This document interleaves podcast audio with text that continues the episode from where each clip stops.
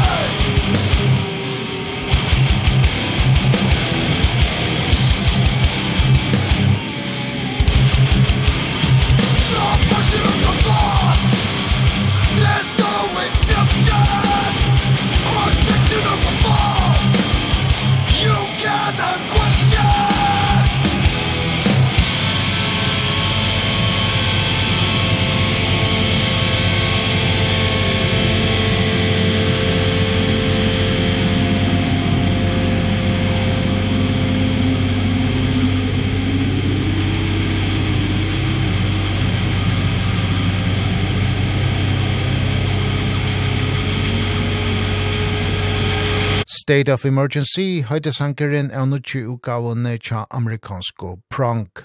13. utgava torra var tøk, satta oktober. Utgavan er gjørt i tøtten samstarve vi Steve Evets, ein framleiare som et landa hever arbeid saman vi Sepultura, The Dillinger Escape Plan og Symphony X. Og Tommy Victor er velnøktor vi arbeid tja Evets. He's just a great coordinator of everything. Uh, uh I trust him. I mean and, and from the whole thing like you know from vocal parts like he's like could you come up with something different for that? Or like the lyric which is uh, let's change the lyric there. You know that oh, that guitar part's too busy or we need something else.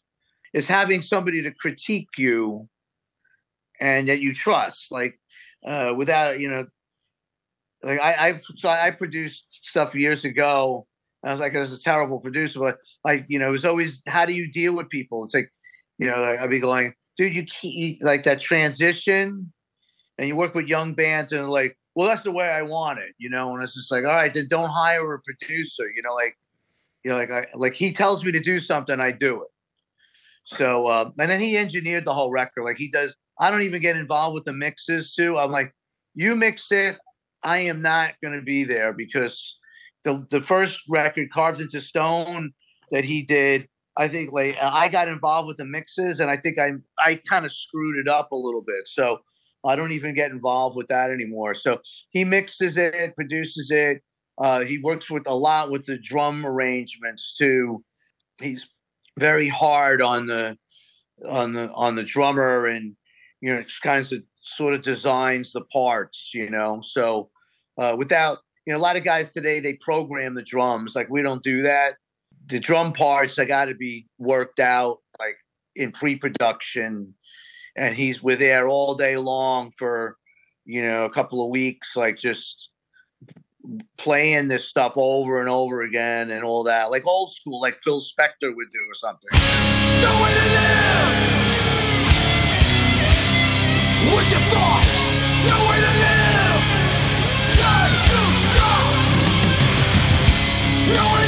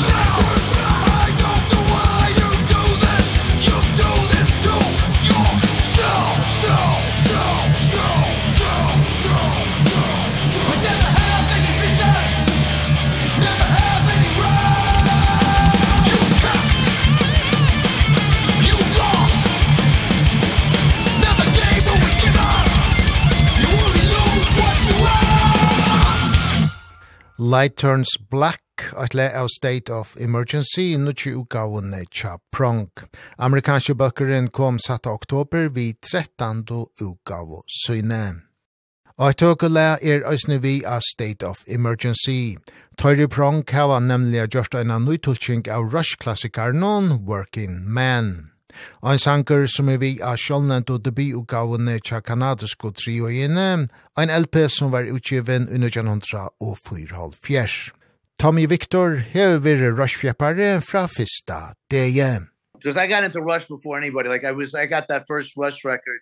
It was like a little article in Circus magazine, and I go, "These guys look cool." And I got that record. I'm like, "Man!" And I, you know, um, I don't even know if I had I I mean there was a couple of kids that I knew when I grew up that were into like metal and hard rock not that many like if, even back then it was sort of underground like people didn't yeah most people were into like I uh, like the where I grew up they I don't even know what they were into like disco music or something so not many people like that Rush record. People were like, "Oh yeah, it's pretty cool," you know, like no one went to cuz but I really liked that. I thought it was like combination of Zeppelin and Sabbath and it had, had like a gloomy thing to it. I really liked the lyric. I mean the lyric was great. So uh yeah, I mean uh another record that I was listening to a lot and I started fooling around with was uh, Sabbath volume 4 and then I I started playing using that uh C sharp tuning on the guitar. It was a Tony Iommi tuning. So uh I I was jamming on Working Man in that tune and I go this sounds really heavy. You know, Steve the producer was like you got to do it. This sounds so great. So we just jammed it out and wound up putting it on the record.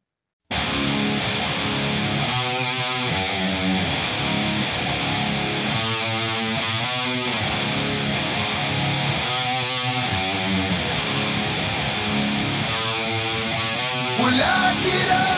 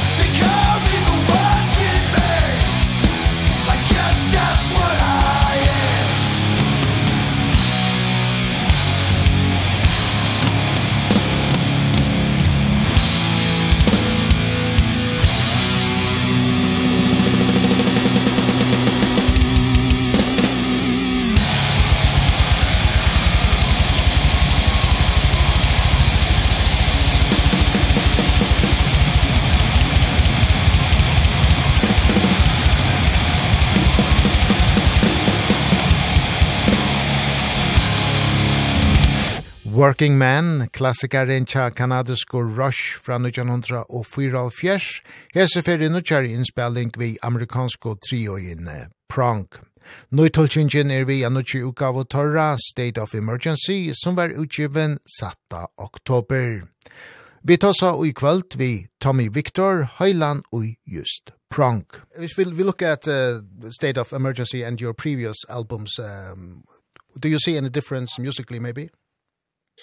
Oh yeah, I mean not a hell of a lot, but uh, uh the fact like I mentioned earlier that that I sat down and like the whole thing is is the riffs, the songs, it's completely my design. Where we were kind of in the last couple of records, let's say the last 3 I was rushed a lot uh and we like I had to I I was like oh my god I got to write another record um I, like I call up a friend of mine I go you got any riffs?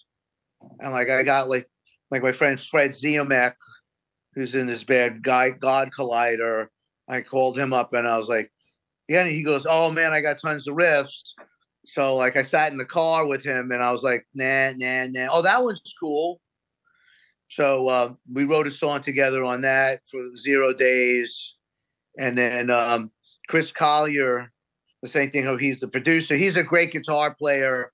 So um uh he had a he had some riffs and you know we wrote some songs together. But i mean essentially the songs that we wound up playing are the ones that i wrote my cuz you know not to be egotistical but like you know however it may end uh which was on zero days like that was one of my songs completely. I wrote completely myself.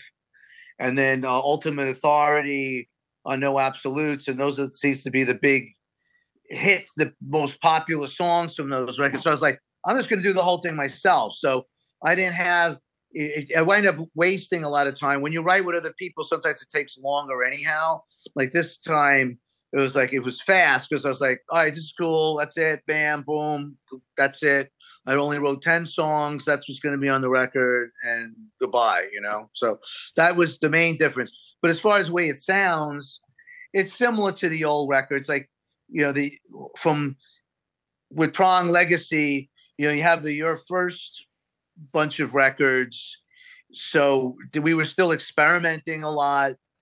And then I think through the years and now playing the old songs live the fusion of all those early records are starting to mold into the sound of prong now, you know, at this late age.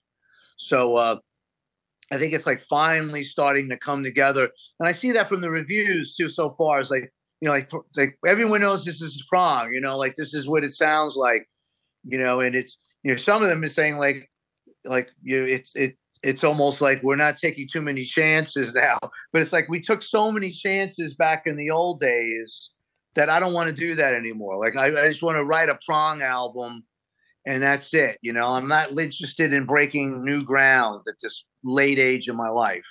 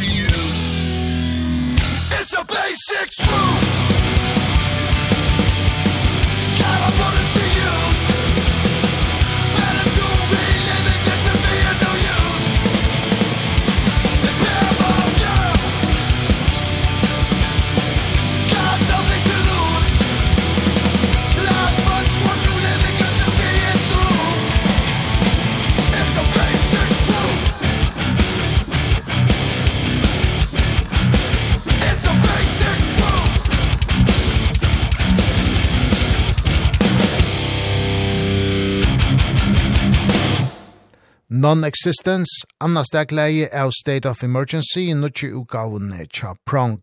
13. utgava torra vertøk, satta oktober.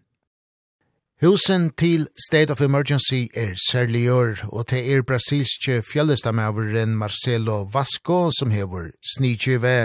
Han hever avgjørt gjørt husar til Slayer, Testament, Creator og Dark Funeral.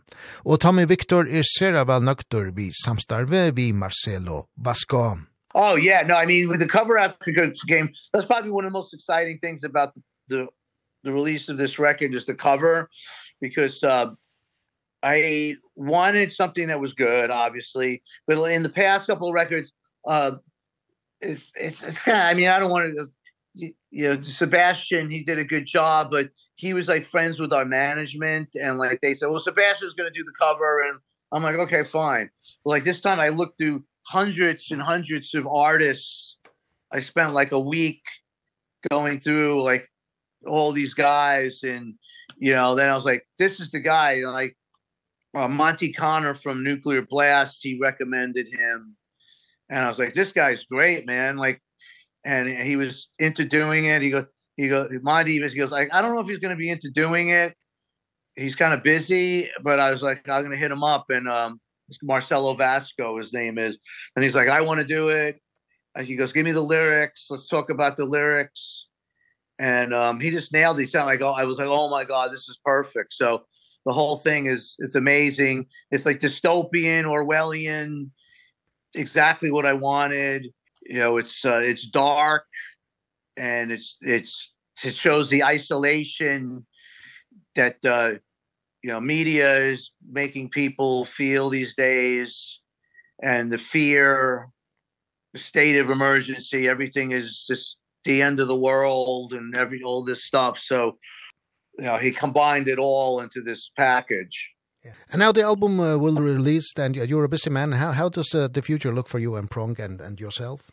Oh, I I don't know. I mean like you know it's uh we did a very successful tiny tour in Europe uh like a month and a half ago. That was great. Like that's almost like that was like enough for me. It was like you know, 2 weeks in Europe done. You know, uh then I had to do this dancing tour and it was like which seemed to take forever. It was only 3 weeks, but it was maybe a little longer and I was just like, "Whoa." This is like but um uh, now I'm I have I have 3 weeks in um Europe coming up in November. And then we're trying to get American tour. So, um there's been stuff talked about. We'll have to see what happens, you know, like uh I would like to do split it up where I can just do 2 weeks on the east coast and like 2 weeks on the west coast. And then maybe you know a couple of weeks in the midwest or something like not go out for these long periods of time. It's just like I you know I don't, I don't want to do that. So uh you know that's all I'm looking at right now is like you know touring and uh that's it really.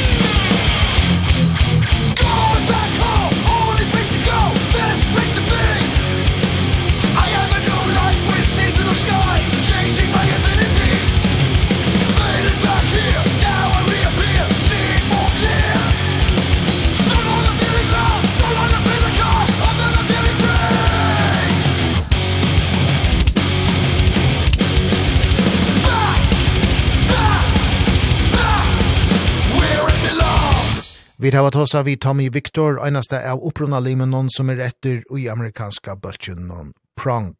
Vi tåsa vi om nutje uka av torra State of Emergency som var utgiven 7. oktober. Vi spalte oss ni flore loven on avise 13. utgaven Cha Prong og vi enda og passande vi Back NIC.